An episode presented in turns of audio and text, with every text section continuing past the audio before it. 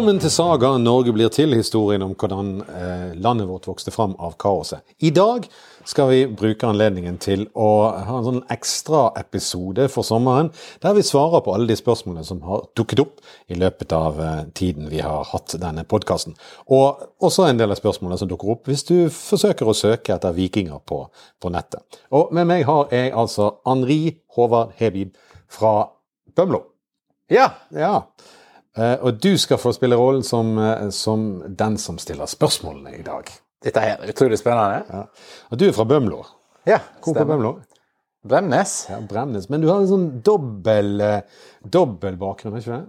Jeg har en kroatisk bakgrunn. Ja, ikke verst. ikke verst. Det var ikke så mange vikinger i Kroatia. Men eh, på Bømlo, derimot Kjenner du noen vikinghistorie fra Bømlo? Nei, det er dårlig. Men desto viktigere er det kanskje at jeg har noen spørsmål med meg i dag. Helt bra. Og Bømlo er jo et bra sted å starte, for det var der Olav Tryggvason gikk i, gang, gikk i land første gangen når han kom til Norge, faktisk. Men på Moster. Helt utrolig.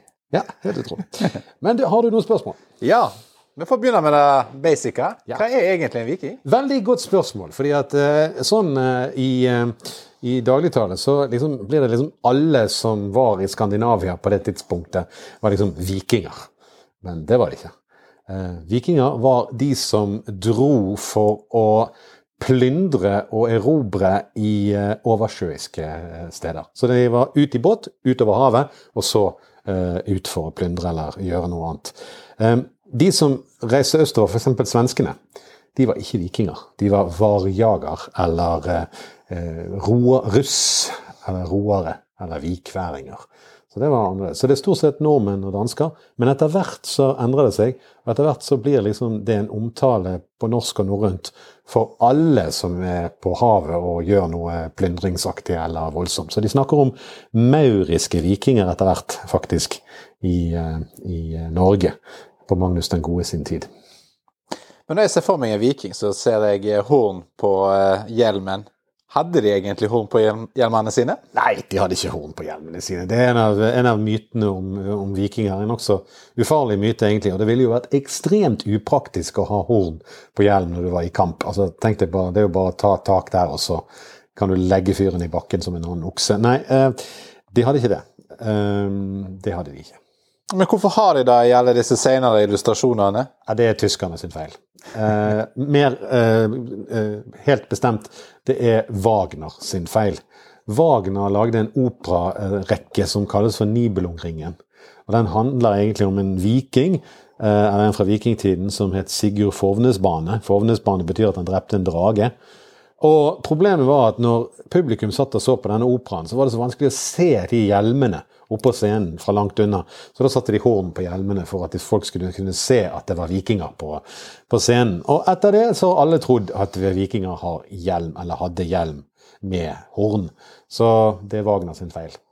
Så når turist, turister fra Tyskland kommer og kjøper vikinghjelmer med horn, så vet de å takke seg sjøl? Så det er en wagnerisk historie, ikke en vikinghistorie. Men vikingtiden den starta jo med angrepet på Lindisfarne-klosteret i 793. Men når hva tid slutta? Ja, vet du hva, det er, det er en diskusjon. Men de fleste ville jo altså Arkeologer og historikere vil aldri være enige om når noe begynner eller noe starter, og når starter noe og når slutter noe. Men de fleste vil si at uh, vikingtiden sluttet i 1066, i september 1066 omtrent, når Harald Hårråde på spektakulært vis forsøkte å erobre England, og feilet. Og falt i slaget ved Stamford Bridge. Men hvorfor alle dager starta vikingtida? Det er et uh, veldig godt spørsmål igjen, men uh, det er som alltid det er et paradigmeskifte som skjer.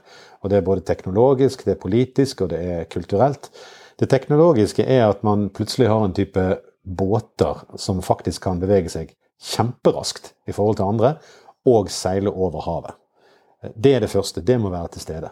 Så skjer det en del helt veldig viktige ting i Norge, spesielt på den tiden. Man går over noen hundre år så går man fra det som nærmest er et nomadesamfunn, til et fastboende bondesamfunn. Eiendomsretten oppstår, og dermed så blir noen eiende, noen eier ting, og noen eier ikke ting. Og eh, når det skal fordeles på arv, så blir det stykket opp i veldig små biter. Så får man får rett og slett en situasjon hvor befolkningen vokser. Eh, man blir egentlig totalt sett rikere, men det blir for mye folk i forhold til det landet som, som er. Og da presses folk ut til å dra i Viking for å plyndre, eller rett og slett dra i landnorm for å skaffe seg nytt land. Det er det ene. Det andre, eller flere andre ting, er at det også blir en sentralisering av makten. Kongedømmet dukker opp. Og i det så er de som vinner, de har jo det fantastisk sammen med kongen og i kongens hird, men de som taper, de blir presset ut av landet. Så sånn oppstår f.eks. Island. At eh, det er mange norske stormenn som blir presset ut av Harald Hårfagre. De reiser til Island og bosetter seg der. Det er mange faktorer, men dette er noen av de viktigste. Men Hvorfor var det så viktig for vikingene å både plyndre og voldta? Ja, eh, det er et litt ubehagelig spørsmål. Men eh, akkurat det med å plyndre, det var rett og slett opportunisme på mange måter. At de så herlighet, her ligger det et kloster som ingen forsvarer, og som bare er forsvart av skikk og sedvane knyttet til kristendommen. Så det var jo enkelt og greit å, å tilegne seg eh, rikdom på den måten. Eh, voldtekt er en litt mer komplisert sak, fordi at i alle sånne voldelige konflikter så skjer det til, til tider. Men eh, det mest påfallende her var at det ble brukt av menn mot menn eh, for å eh, understreke at de var underdanige, hadde tapt. Rett og slett. For å etablere et, eh, et forhold av, eh, av en over og en under. Eh, av makt. Men du kan jo masse om dette.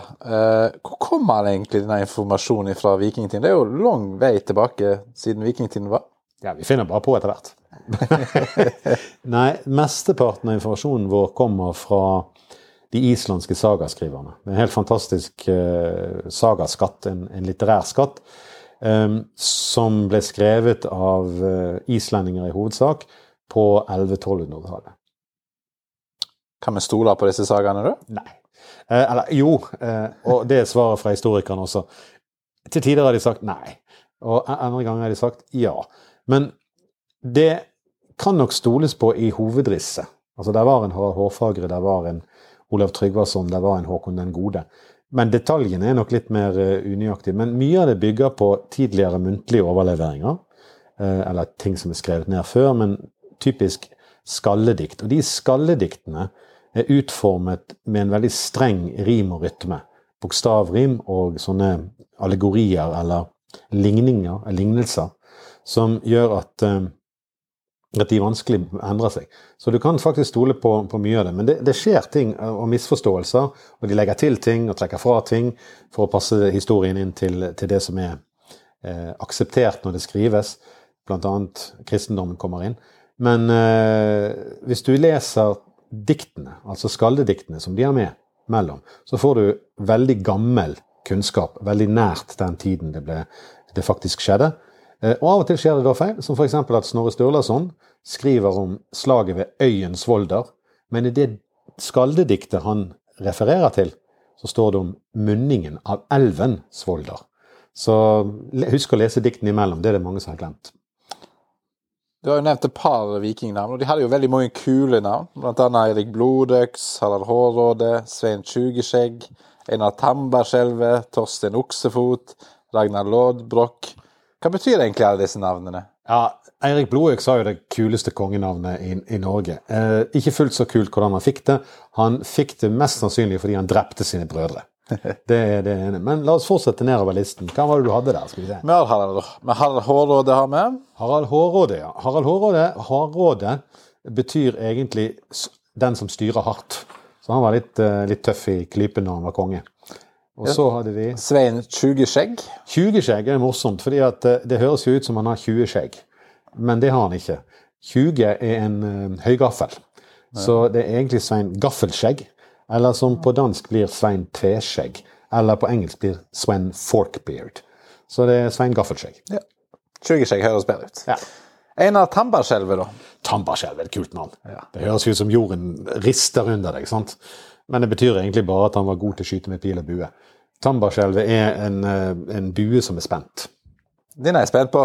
Torstein Oksefot? Ja. Eh, Den er mer konkret. Han fikk det navnet, tilnavnet, for dette er stort sett tilnavn som de får for å beskrive ting de har gjort, eller hvem de er. Et slags, slags uh, tilnavn.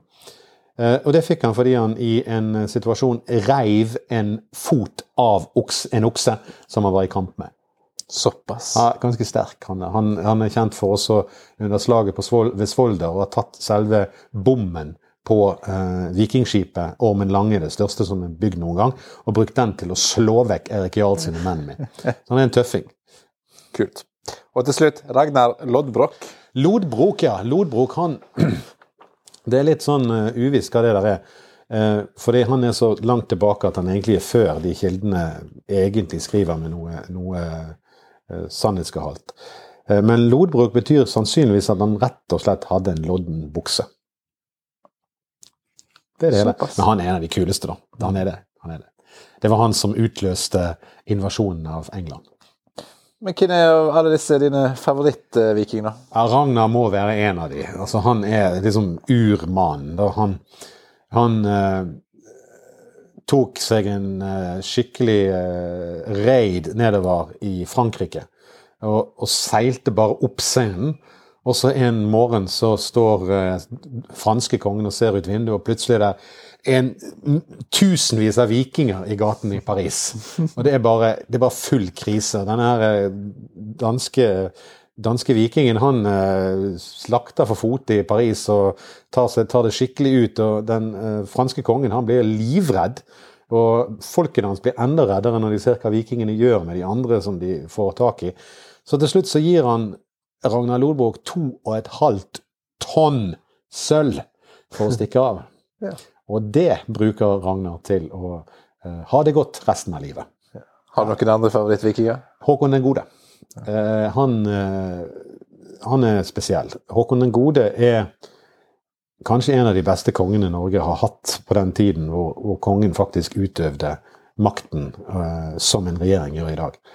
Og det er han som fikk på plass Leiangen, altså mobiliseringen av de norske, norske styrkene. Det var han som fikk det systemet på plass, og det er egentlig forløperen for den marinen vi har i dag. Så marinen regner sin, sitt opphav til Håkon den gode. Og han fikk på mange måter orden i lovverket. Og han har en fantastisk sitat fra en av de lovene som han satt, som lyder noe sånt. eh, Med lov skal landet bygges, og ikke med ulov øydest. Og Det er et godt råd til, selv til dagens politikere, tenker jeg. Absolutt. Helt avslutningsvis, Tom Christer. Du har sagt tidligere at havet i vikingtiden gikk høyere. Ja. Stemmer egentlig det? Ja, det stemmer. Og det har vi god dokumentasjon for eh, gjennom forskning på, på hvor havet har gått, og hvor det, godt og hvor det har avsatt eh, havdyr, skjell og sånt over tid. Så hvis du f.eks.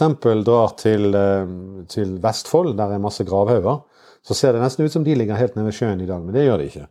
Så den gangen i vikingtiden så gikk havet der om lag fire meter høyere.